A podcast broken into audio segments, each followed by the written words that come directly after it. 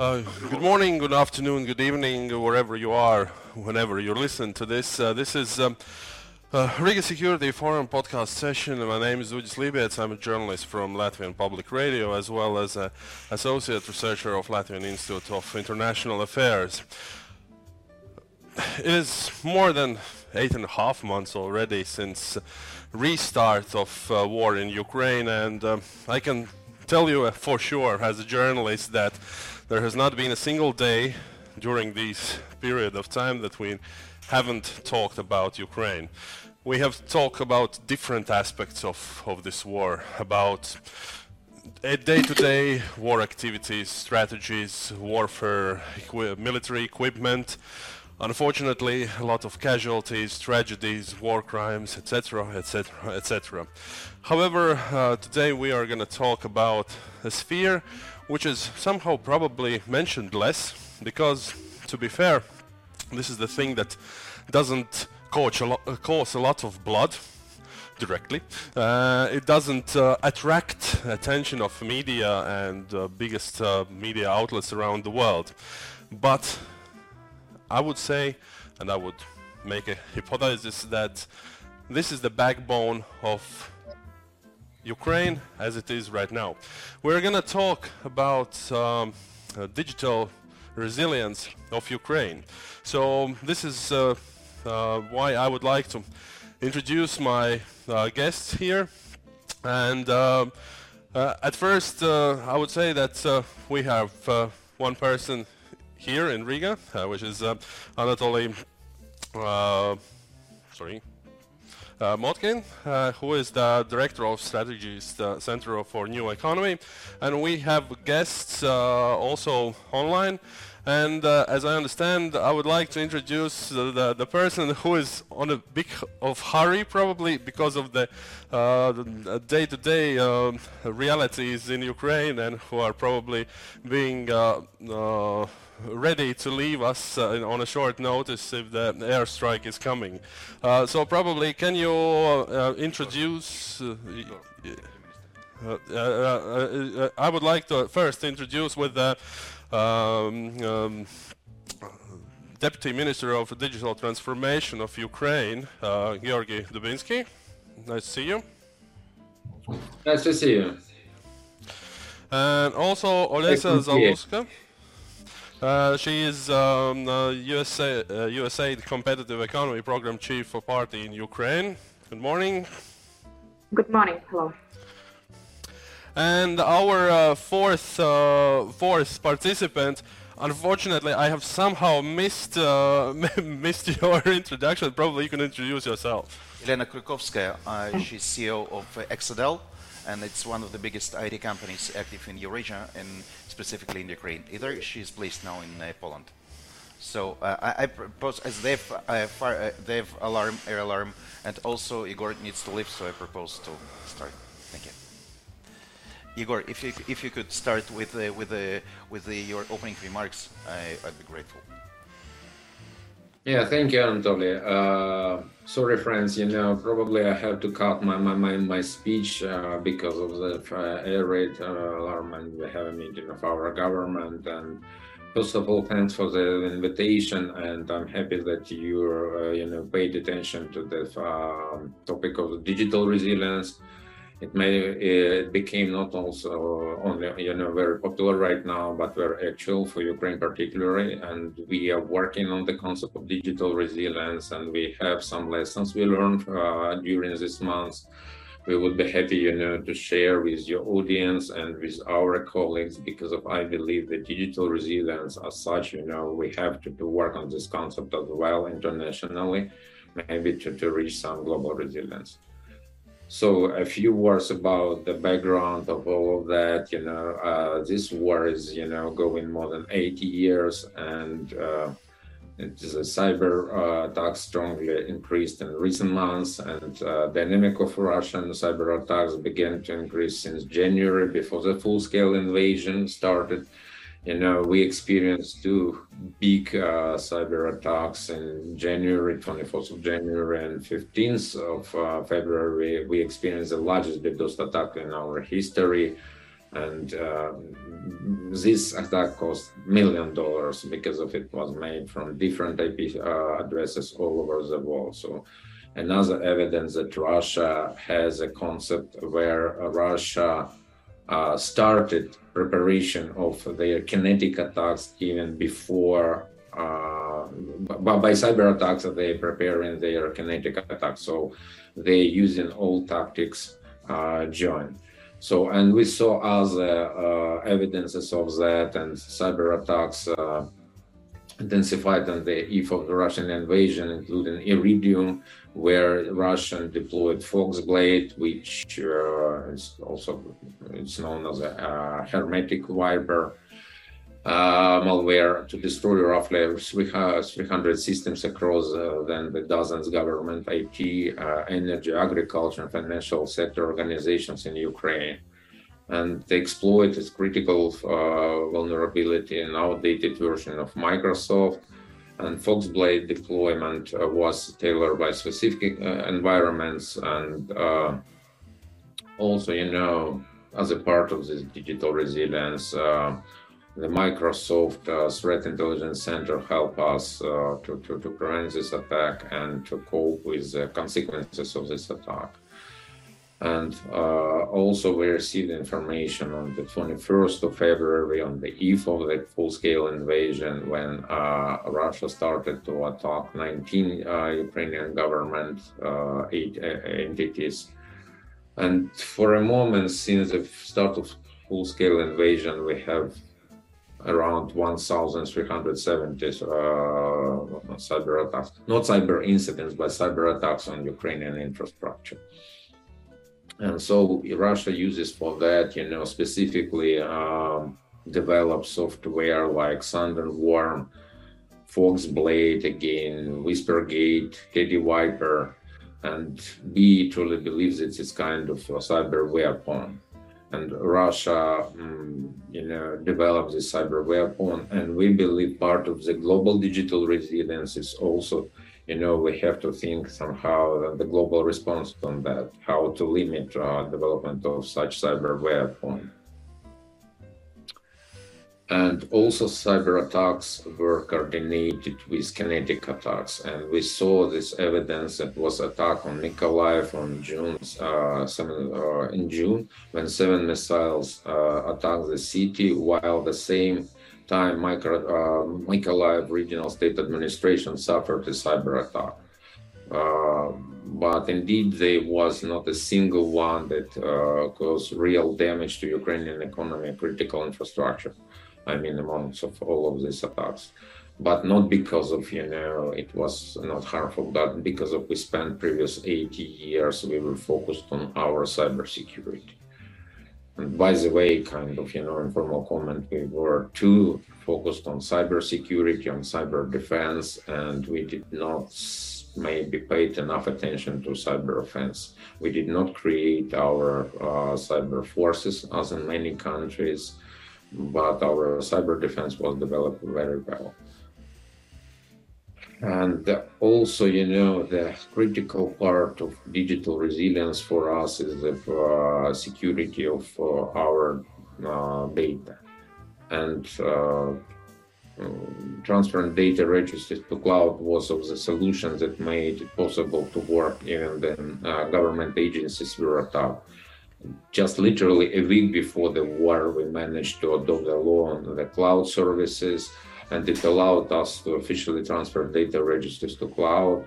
And by now, uh, more than 100 state and uh, critical information registers were transferred due to the cloud solutions and agreements with our referring partners. Among them, uh, we have Amazon Web Services, uh, Microsoft Azure, Oracle, and uh, as governments of other countries also help us, particularly Poland. Uh, you know, the Polish government is very helpful in that. And for instance, in the AWS, AWS provided us uh, more than 10 million gigabytes of uh, cloud storage to back up 68 uh, Ukrainian government um, workloads across uh, 37 US uh, Ukrainian government customers.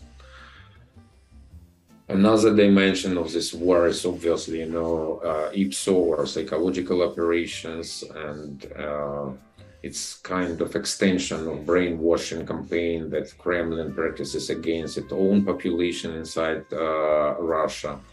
It consists of propaganda, disinformation, concealment of one piece of information, exaggeration of others, and such operations aim to sow mistrust in information sources, misrepresent Ukrainian actors, and promulgate false narratives uh, about the reasons for Russia's actions. And those are both uh, publications for disinformation and spreading of content on social media, as well as direct attacks on that uh, by bots and the accounts of Ukrainian media activists and bloggers. And Russia promotes same narratives in the occupied territory to influence the uh, perception of information and to provide an access to truthful information in the occupied territories. We launched television and radio in our Diia application. And Russia puts pressure on media space by promoting its fake narratives and it is uh, turn effects and opinion uh, on the countries and the decision makers in the uh, United Nations. So Russian disinformation is spreading most, uh, not only in Ukraine, you know, and obviously in Russia for internal market, but uh, not only in Ukraine, but also in Africa, India, China, Middle East, Latin America, with the following influences uh, countries of Europe and the United States. And uh, especially the, we, we saw the influences, uh, Russian uh, influences in Spanish and Arabic speaking countries and that uh, you know it caused uh, some change of their opinion on uh, in the United Nations and therefore in the global war, the global media. And we cooperate right now with Meta and Alphabet to optimize social media policies uh, as content moderation is to set for peaceful, peaceful norms, and thereby uh, they are blocking sensitive content about the war in Ukraine and hiding the truth of Russian crimes in Ukraine from the international audience. And social media platforms contributing and sharing the truth about the war in Ukraine. And actually, now people around the world are following the war online. It's one, you know, really, you know, our war is going online for everyone. And we saw that in Facebook, Twitter, YouTube turned to be powerful weapon of deal with the Russian disinformation campaign. And at the same time, you know, we have we have to work with them very closely. I mean, with social media platform to avoid the exaggeration, you know, for some time of part of information. And really, you know, we need to work with them very closely to help them uh, to to change the moderation policy to adopt it to the current situation. Another big uh, you know, important part of our digital resilience is cooperation with big tech, so-called big tech company. And since the beginning of the war, we have started communication campaigns uh, with uh, tech companies worldwide to leave Russian market and close their offices, stop supporting services and products, and impose uh, corporate sanctions. Through our efforts, around 500 companies left Russia or limited business activities were, and uh, most of them plan to join efforts with Ukraine to build uh, to build digitized world uh. And really, you know, we are enjoying support of big tech companies. I can exemplify that we are working very closely with Microsoft and uh, with Microsoft plans uh, to become one of the curators of digital uh, industry during the rebuilding of Ukraine. And the company uh, already uh, supported Ukraine for more than 140 million dollars, uh, including support support for the government, business, non-profits, and humanitarian assistance for the refugees. We have very close cooperation with Amazon, as I mentioned before, and uh, you know we, we we transfer their critical data uh, registers and they donated us uh, space as well but also they are active you know in uh, other um, areas and they have uh, helped to, to, provide you know uh, support to our unemployed uh, displaced person people you know for refugees and provided uh, everything starting from hygiene kits and backpacks and uh, including some devices for our children as well as Google, you know, also uh, help us a lot with Google Workspace, and they separately donated 43,000 uh, laptops for our uh, schools to to enhance our program of e-education and e-learning, and also cooperation with Meta.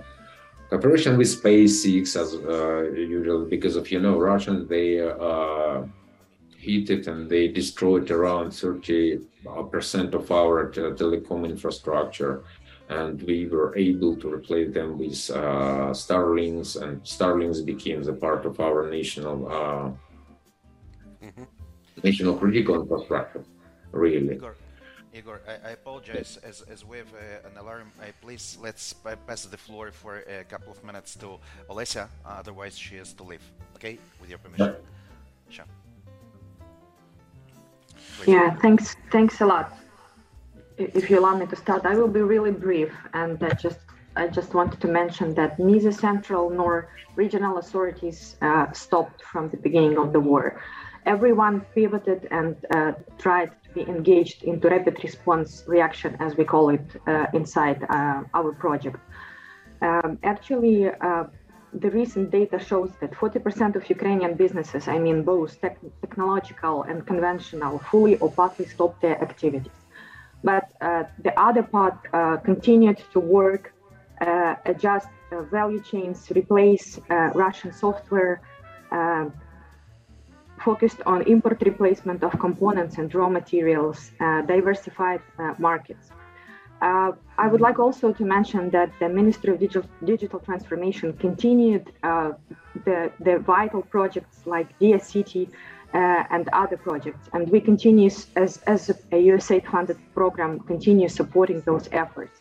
And we observe increasing number of residents in City, which is also the positive sign that the that the uh, technology uh, sector continue uh, working, um, creating uh, jobs and helping the country to, to retain Russia. startup ecosystem continue innovate and grow as well. We just got back from TechCrunch Disrupt, where 10 startups were presented with our support and uh, the delegation of Ministry of Economy and uh, Ministry of Digital Transformation was presented as well. This is like we, we were able to meet uh, the high level officials, US officials, and uh, uh, present the uh, resilience of Ukrainian tech ecosystem, startup ecosystem, and agree on further steps. Uh, in terms of um, rapid response, I've mentioned that we started it in uh, February, in like late February, beginning of March, and uh, for, for us just to feel that uh, several um, food producers reopened their facilities in the central part of Ukraine to produce energy bars and supply them to IDP centers. Uh, other businesses, just like um, were also in, contributed to uh, humanitarian efforts. So uh, what I'm trying to say that both technology sector and conventional businesses were heavily involved in humanitarian support during the first months and continue support as well. But starting, let's say, from from from summer, they all focused on strategic development, diversification of markets, and uh, looking for new deals and looking for investments. And thank you very much. You have uh, like a small piece, uh, but the word gender in your brief for this conference. But I would like to stress that women and children uh, also suffered a lot uh, and su- and continue suffering. So we should devote lots of efforts to help them uh, to remain in business, retain jobs, and maybe even start new jobs, uh, both in like technological sector and uh, in traditional businesses. Uh, just like uh, a small uh, insights from IT generation program, which is focused on um, reskilling more than 1,000 of Ukrainians. Half of the participants are women. So th- this is like very important messages that everyone is involved no one stopped. Uh, everyone is pivoting and ready for new deals and new investments. So please, uh, for, for everyone, for the for the whole international uh, mm, society, uh, the nations uh, are very important, but please also focus on uh, working with Ukraine uh, and bringing new deals, new investments. Thanks a lot. We continue our support to Ukrainian government and Ukrainian business. Uh, and I hope you will have a productive discussion later. But we should go to, to the shelter. Thank you, thank you for your for your insights, and it was very useful. And uh, probably we can uh, continue with uh, the the fourth uh, member of our discussion uh, to probably to describe. Just maybe to Igor to finish because oh, he needs yeah, to okay, live. Okay. If Igor. Anatoly, thank you. You know, uh, I believe I also wish you a productive discussion. Anatoly is deeply involved in our all of our activity, activity developing, you know, the concept of digital resilience, specifically in the uh, frame of our initiative, uh, Digital for Freedom. And I hope you will have you will find a moment to say a couple of words about that. And in general, I want to emphasize that digital resilience became extremely important. No one right now, as far as I understand from my discussion with our international colleagues in the United States and Europe, you know, they have clear vision of the digital uh, resilience as a concept. But nevertheless, I believe it's extremely important topic right now. And uh, unfortunately, our case exemplifies that we have to pay attention on that. So wish you productive discussion, and I'm very sorry, you know, under circumstances, we will we, we cannot continue from, from here. Thank, Thank you. you. Of course, of course, we understand, and we wish you uh, good luck in your job, what we, you do, because I can say for sure that uh, even countries like uh, Latvia, and not even speak about the Western countries or more Westernly countries, that uh, a Ministry of Digital Transformation as per se is uh, is something unique, and I think that uh, you are already a couple of steps in in front uh, to, to, to many Western countries, and uh, I think that the situation will come to the, the, the point that the West will start to learn from you, not uh, not, not not the other way. So so we wish you the the best of luck in uh, all the things that you do, and, and and and just stay strong and stay safe. That's the most important. Thank you very thing much. I believe we will create a digital block uh, in the European Union, and we will, you know, will be a new driver of digital development of European Union together. Thank you very much. Have a great day. Thank you. Thank you. So, uh, and uh, to continue our discussion, I would like to switch to the representatives of uh, IT sector, and uh, this was uh, one of the, the, the wishes of our previous speakers that uh, international community gets uh, involved more actively in uh, investing in di different digital companies, etc., etc. But what would be your suggestion? How to convince those uh, skeptical Westerners uh, that uh, IT sector, for example, right now is a safe thing to bet on in Ukraine. So um, I'll probably start from the very beginning, right? Since the war started, um, we have um, we Exadel, we have 400 employees in uh, in Ukraine and when the war started, definitely some of our uh, clients they asked us to put the projects on pause. Uh, they um, asked, so they practically denied the access to our folks uh, to the systems, but not because of the let's say our employees, but because they thought that there might be some uh, some attacks from the from the Russian part right? And the data can be um, used by the by the Russians. But uh, I should say that some of our clients they said, guys, we um, we ask you to stop the development, but we will continue to pay um, to pay you, right? So you can pay to your to your employees and uh, there were some clients who said uh, who, who, said okay we are leaving uh, ukraine for um, for some period of time and then they came back.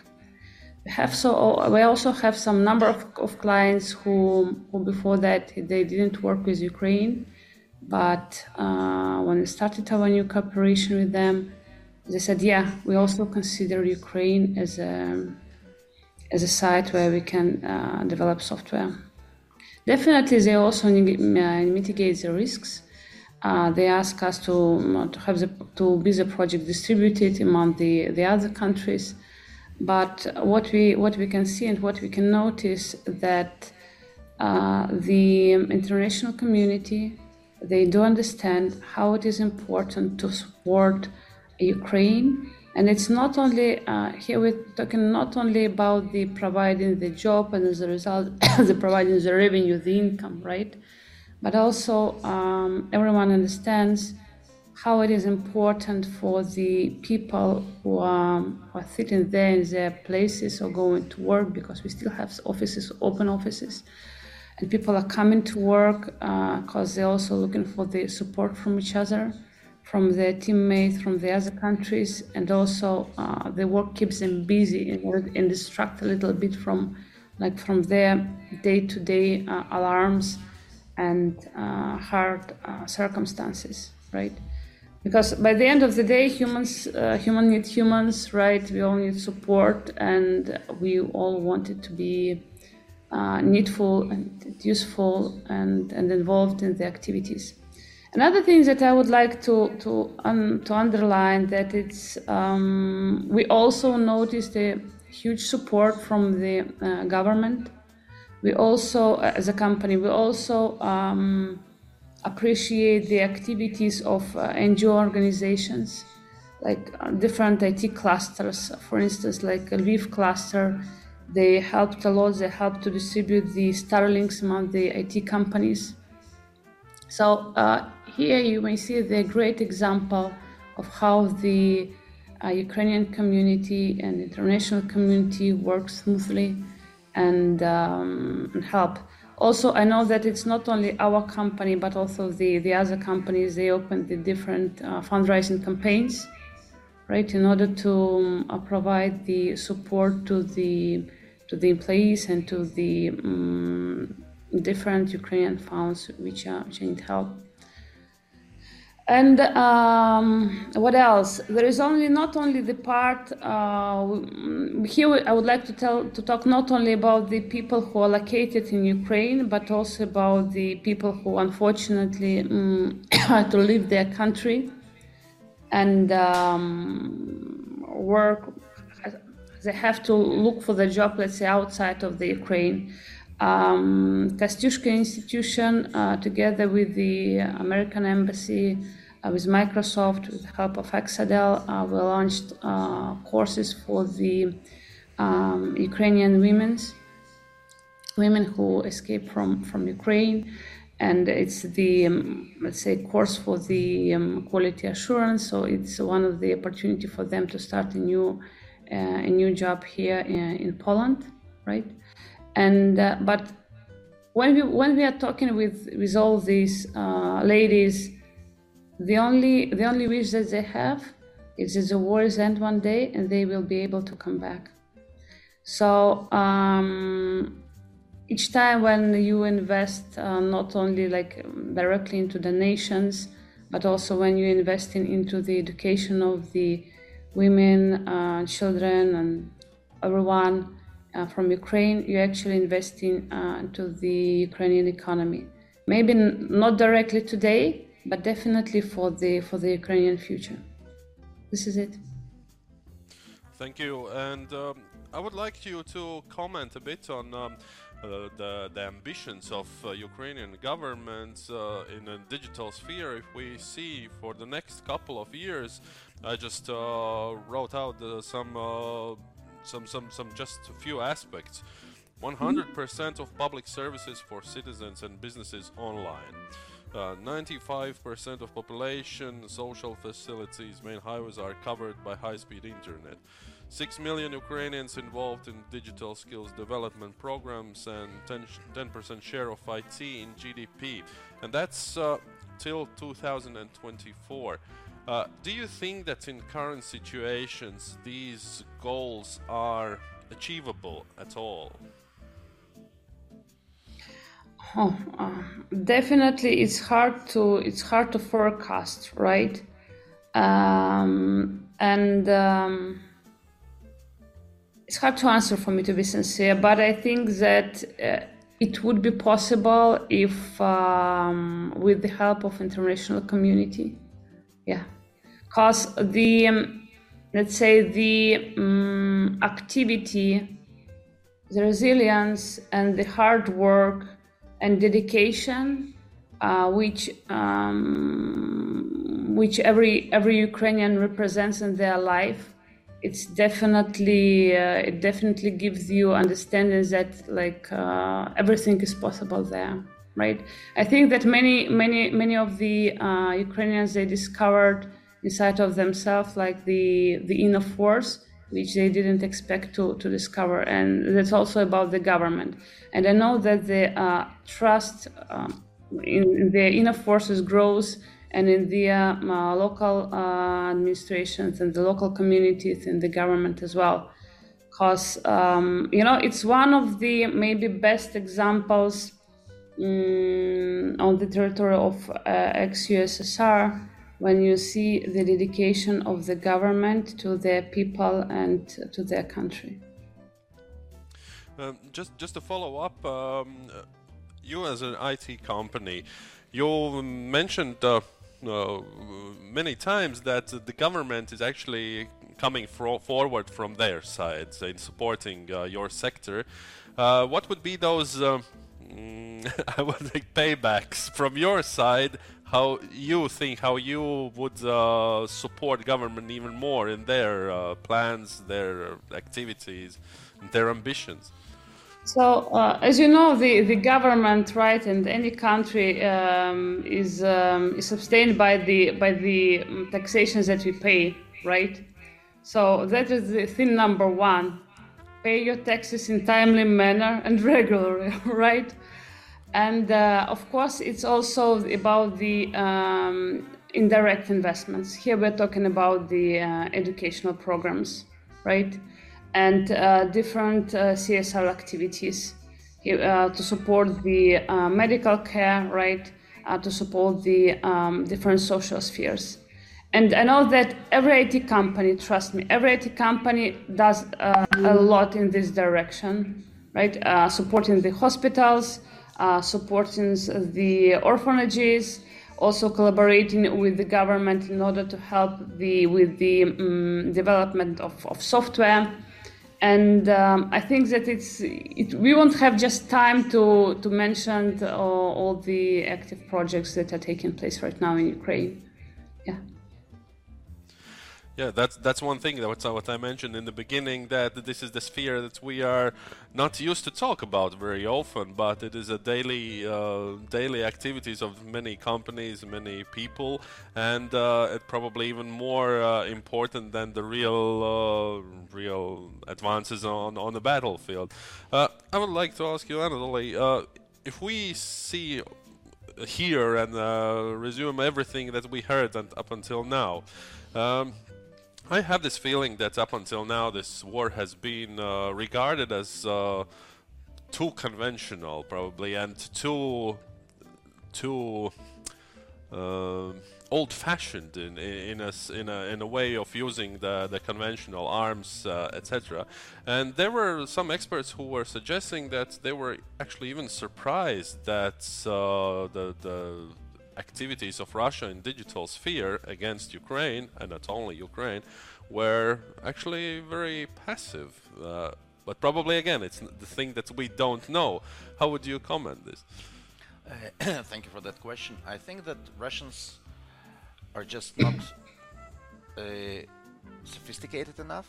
They tried, you know, your neighbor Estonia say, experienced the first ever Russian massive uh, cyber attack after the Bronze, uh, Bronze Soldier uh, events in 2007 and the Estonians were the first to put the flag like let's let's let's be pre prepared And uh, I, I, agree with the deputy minister, with uh, Mr. Dubinsky, that uh, Ukraine was preparing to those uh, to, to, like more large-scale uh, invasion, in full-scale invasion, even in cybersphere and cyberspace. So I think that Russians are trying to attack.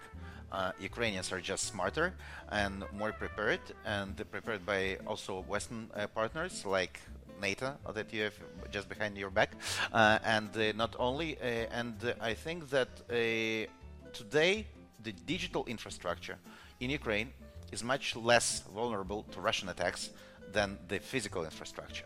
And uh, I think that the digital uh, is the second pillar of Ukrainian resilience to Russian attacks, along with military. And uh, it's I agree absolutely with Elena that the digital today has two roles. First is security. The the fact that the main promise made by President Zelensky before he was has been elected is the Diia project. You know, the project of uh, uh, digital. Uh, he called it uh, the the state in the smartphone. It actually assisted enormously to Ukraine amidst the Russian invasion. The people who lost their physical passports their virtual passports had the same role and they were also legal document. The same with driving license and many, many more. The second is actually uh, what Elena was talking about is economic economic factor. New jobs, keeping the existing jobs, assisting to existing businesses in non-related spheres and sectors to remain active. So I think again, back to your question, Russians are trying to do their best, but their best is not good enough. Uh, you mentioned this uh, vulnerability of physical infrastructure, yeah. and uh, all the time when we speak about digital things, uh, I have a feeling, come on, it's all uh, because of electricity. And then you can't use your you can charge your phone because you you have electricity. You can use your uh, laptop if you have electricity. How these uh, vulnerabilities of physical infrastructure uh, what is their effects on the digital resilience of Ukraine right now. Because, uh, to be fair, yes, we heard that a lot of uh, services are now in the clouds uh, around the world, uh, partners are helping, but still, uh, it's enough to get one of those big systems out of order, and does it mean that uh, everything collapses? No. How do you think? I Russians tend to say that we need to attack the decision-making centers. Ukraine is great and resilient because they don't have a single decision-making uh, center. People in the field made make the decisions. The same for your question. Uh, Russians think that if they will hit the electricity grids and generating centers, they will actually uh, shut off Ukraine. It's not true and uh, amidst the, the very beginning of the invasion, we've seen what happened with Starlink terminals that actually replaced the stations of the cellular providers that were hit by Russians. They were replaced by Starlink and they kept, kept the network active. The same with electricity.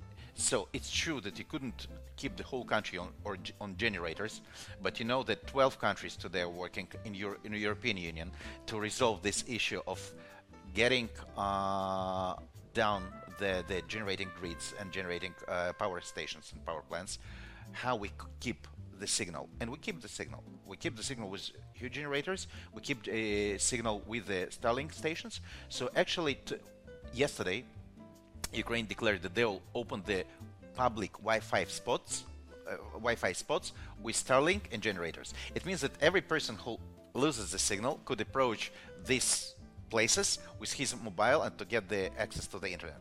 So I think that they're inconvincible because the you know the truth is on, on their side. Yeah. Uh, uh, what would be your suggestion uh, about uh, the, the, the help of international community that can be provided? Uh, we have heard uh, already about different ways how, how Western countries are already helping but still, probably this is uh, a very specific uh, subject, and uh, probably there needs to be more explanatory work with certain countries who are lagging behind in, in, in, their development of digital sphere. How to convince them that this is as important in security matters as, as normal weapons. I think that uh, we should first both we both understand that some corporates are bigger than some countries. So we should actually uh, distinguish between uh, corporate assistance that actually uh, Yegor, uh, uh, Deputy Minister Dubinsky mentioned uh, and the StrategEast is privileged to coordinate this big vendors activity for Ukraine. It's called Digital for Freedom where they're allocating their technologies funds and deployment I mean specialists who assist to Ukraine to digitalize the whole country despite the invasion. The second one about the countries. I think that everybody is talking now about the Marshall Plan for Ukraine. I think that the digital Marshall Plan, the, the, regular Marshall Plan for Ukraine will start after the ceasefire, after the victory, so to recover the digital infrastructure the digital Marshall Plan for, for Ukraine could start right now because the digital infrastructure is what makes Ukraine so resilient and also it's less vulnerable to Russian attacks. So I think that the governments, for your question, should put money together and will should start to work hard on uh, developing the digital infrastructure of this country that actually will assist both to the civil population but also to, to will assist to the country to win. Uh, Elena, your uh, question to you about uh, this uh, Marshall digital uh, Marshall plan. What would be your input there in, in such a possible plan? Um, you know, uh, unfortunately, I'm not the technical one, right? But uh, from the perspective, what can we do from the um, from the private sector, from the IT private sector. It's again uh, everything about uh, education for the people, how they can they protect their own personal data, right? Because we know that also people uh, private data is also hacked, and also contribute to the uh, different um, social spheres where where probably the government just doesn't have enough money and uh, just doesn't have enough of our hands to, to help and to protect. That is how I see how the private sector can can can uh, can help, right? And how we as, a company also can help. And this is about the time that we have to round up our uh, short discussion. Unfortunately, it was so short, and unfortunately, some of the participants of our discussion had to leave for security uh, reasons uh, for, for bomb shelters, and that's the reality in Kiev we're facing now. Uh, to sum up, uh, just uh, recently, uh, President Zelensky, when uh, addressing Western leaders, said that at first we need air defense, then we need just simple weapons and economical support, and we need uh, support to keep our country running.